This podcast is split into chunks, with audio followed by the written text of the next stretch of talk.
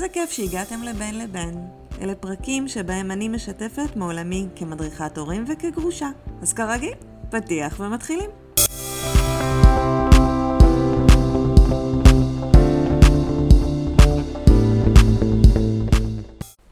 איזה תקופה יפה זאת החגים. כשאנחנו נשואים צריך כל פעם להחליט עם מי עושים את החג. עם אמא שלי עשינו שנה שעברה, עם ההורים שלך עשינו לפני שנתיים. כל הזמן ההתחשבנות היפה הזאת. צריך להתכונן שבועות מראש, לקנות בגדים חדשים לילדים, מתנות למארחים, לבשל, להכין. ואז מתחיל הלחץ שלפני היציאה. להכין את כולם באותו הזמן. תמיד יש את מי שלא מוכן בזמן, שלא רוצה ללכת, או שהקיע לחולצה דקה לפני שיוצאים. או ששניים התחילו לריב, או שהגדולה מודיעה כבר בצהריים שהיא קבעה עם חברות בערב לצאת, אז צריכים לצאת מוקדם מסבתא, אחרת היא לא באה. וכבר נכנסתם לאוטו, כולם. אתם מוצאים את עצמכם יושבים עם סירים על הברכיים ונוסעים שעתיים, בדרך שאמורה לקחת גג גג גג חצי שעה. ובאוטו, כרגיל, הילד משעמם, הילדה שואלת מתי תגיעו, הוא לקח לו את הטאבלט, השני זה תורו בטלפון, ולך כבר יש כוויות מסיר המרק שיושב לך על הברכיים. וזה עוד החלק הקל, כי כשאתם נכנסים לבית של סבא וסבתא, כל העיניים עליכם. למה איחרתם? חיכינו רק לכם, הילדים מתים מרעב. או סתם הושיבו אתכם ליד הדודה בלי הטקט, שתמיד תעיר לך שילד במשקל ושהילדים לא מחונכים מספיק. כיף, נו, חגים זה כיף. ועכשיו תחשבו על כל הטוב הזה כשאתם גרושים. ובואו נלך לאקסטרים, גרושים טריים, כאלה שזו הפעם הראשונה שלהם בחג כגרושים. אז אם הילדים איתכם בחג, זה אותו דבר, אבל לבד. עם ילדים שעוברים משבר, עם מורה שלא ממש סגור על מה קורה, ומחייב את עצמו לזייף איזשהו חיוך. הוא תמיד ישמע את השאלות הצפויות. איפה רותי? למה היא לא באה? מה, התגרשתם? מה אתה אומר? למה? היא בגדה בך? מה קרה? נו, בשביל זה מתגרשים. הדור שלכם מפונק, מתגרשים בגלל כל שטות. ואתם עדיין בסערת רגשות ולא מבינים מה קורה פה, ומאוד חסר לכם אדם שלצידכם, שיעזור עם הילדים בכל זאת. ואתם יושבים בשולחן, ובגדול משתדלים לא לבכות עד שהערב יעבור. ואם את זו שנשארה בלי הילדים בחג הזה, המצב עוד יותר מורכב. כי אחרי שגרדת את עצמך מהמיטה, התקלחת, התלבשת, תגיעי לבית המשפחה כדי לראות את האחיינים שלך משחקים ושואלים אותך, איפה הילדים שלך? למה הם לא באו? גם כאן יפתחו את נושא הגירושים שלך וישימו על השולחן. גם כאן תצטרכי לעטות מסכה עם פרצוף מחייך. תגידי שאת בסדר, למרות שהלב שלך שבור, ולמרות שאת נמצאת במצב הכי קשה שהיית פה בחיים שלך. ובגדול, את רק רוצה להיכנס למיטה ולישון. כי החיסרון של הילדים שלך נמצא בכל פינה. והאמת, גם הבן זוג קצת חסר. ובכלל, את לא רגילה לעבור את האירועים האלה לבד. איזה יופי זה חגים. אנשים גרושים בוחרים בשלב הזה לא להגיע לערבי חג.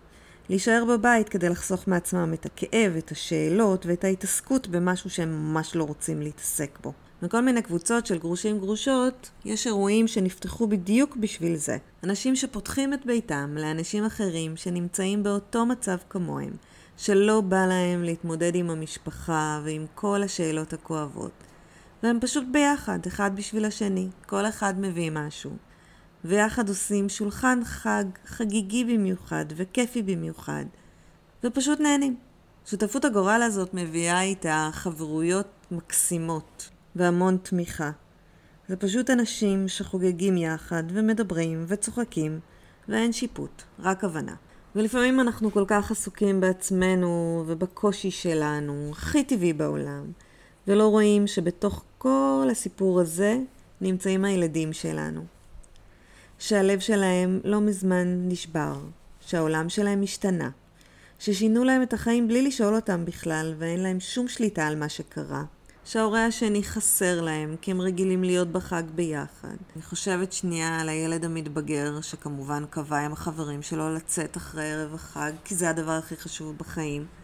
ובינתיים הוא בא, ומתיישב בשולחן עם כל המשפחה שהוא נורא נורא אוהב. וזה מוזר לו. זה לא סיטואציה שהוא מכיר.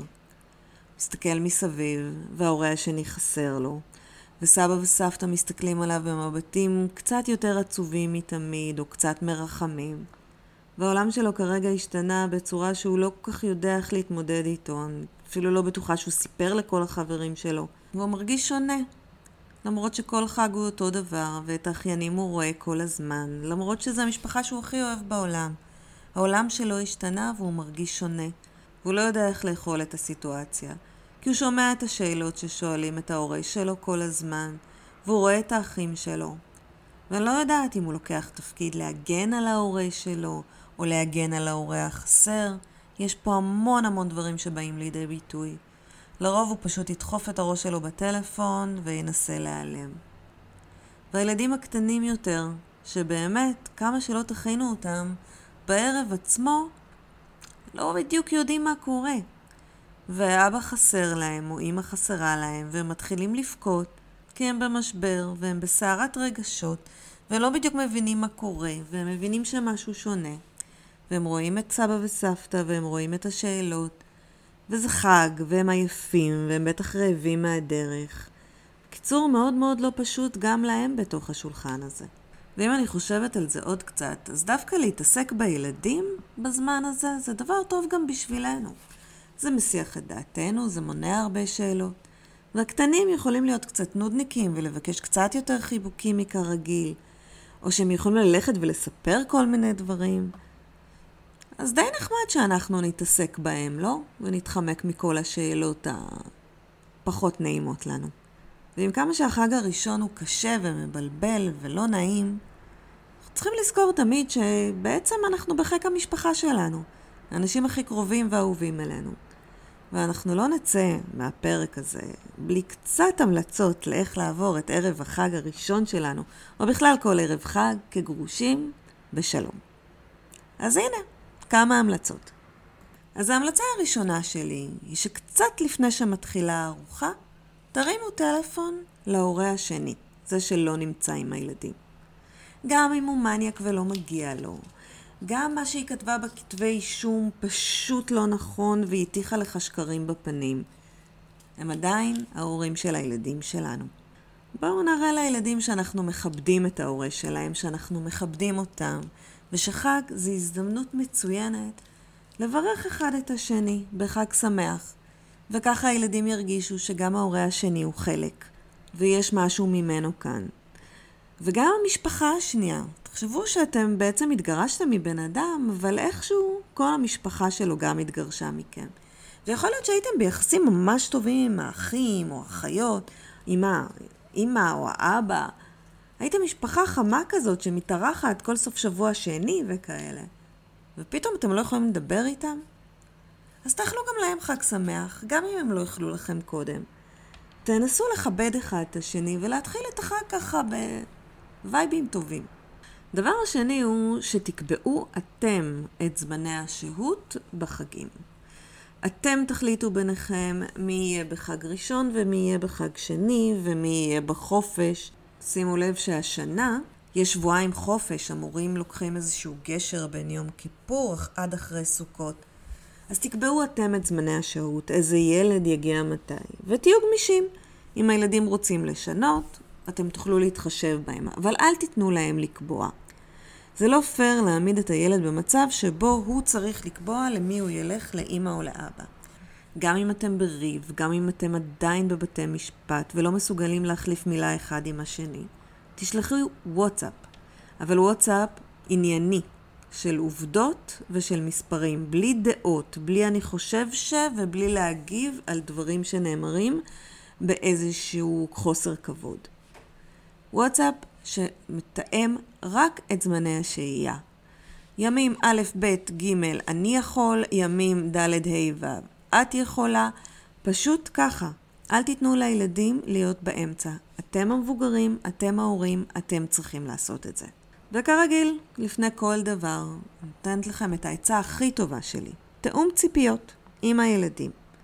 שבו אתם והילדים כמה ימים או כמה שעות לפני שאתם יוצאים לחג, ותחליטו מתי אתם רוצים ללכת, האם יש משהו שצריך להתחשב בו. אם הילדים קטנים יותר, ספרו להם מה הולך להיות. אנחנו נגיע, אנחנו נשב לשולחן, אנחנו נאכל ארוחה, הארוחה תהיה ארוכה, יהיו המון דיבורים.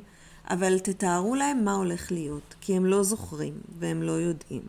הילדים הגדולים יותר כנראה יהיה להם תוכניות אחר כך. תקבעו שעה שבה אתם מתחייבים לצאת הביתה. כדי שגם הם ירגישו שמתחשבים בהם ושרואים אותם. והדבר הבא הוא שאם התחייבתם לצאת מוקדם, צאו מוקדם. גם אם הילד מוכן להישאר, אתם תעמדו ותגידו, אוקיי, אנחנו קבענו שיוצאים ב-11, השעה 11. ואם הילד אומר, לא, זה בסדר, זה יתבטל, סבבה, תישארו. אבל תוכיחו לו שאתם עומדים במילה שלכם. והדבר האחרון שאני רוצה להגיד לכם, זה תהנו. תבחרו באופציה שעושה לכם הכי טוב ומרגישה לכם יותר טוב.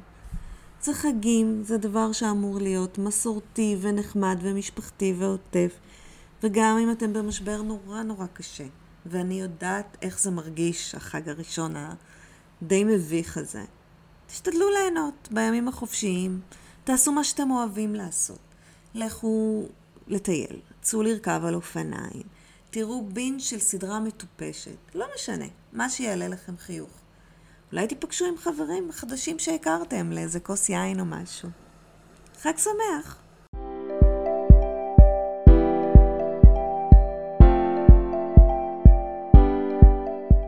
עד כאן הפרק שלנו להיום. תודה שהאזנתם. אם אהבתם את הפרק, או שאתם חושבים שיש מישהו שחייב לשמוע אותו, אשמח שתעבירו או תשתפו אותו ותעזרו לנו להגיע ליותר מאזינים. אם אתם מרגישים שאתם צריכים עזרה עם הילדים והמשפחה החדשה שבניתם, אם אתם צריכים הכוונה או מרגישים שאתם מאבדים את הילדים, אתם מוזמנים לפנות אליי בוואטסאפ או דרך האתר www.maya.com. באתר גם תמצאו מידע נוסף בכל מיני נושאים. אתם מוזמנים לחפש אותנו בפייסבוק ובאינסטגרם. תוכלו לעקוב אחרינו שם.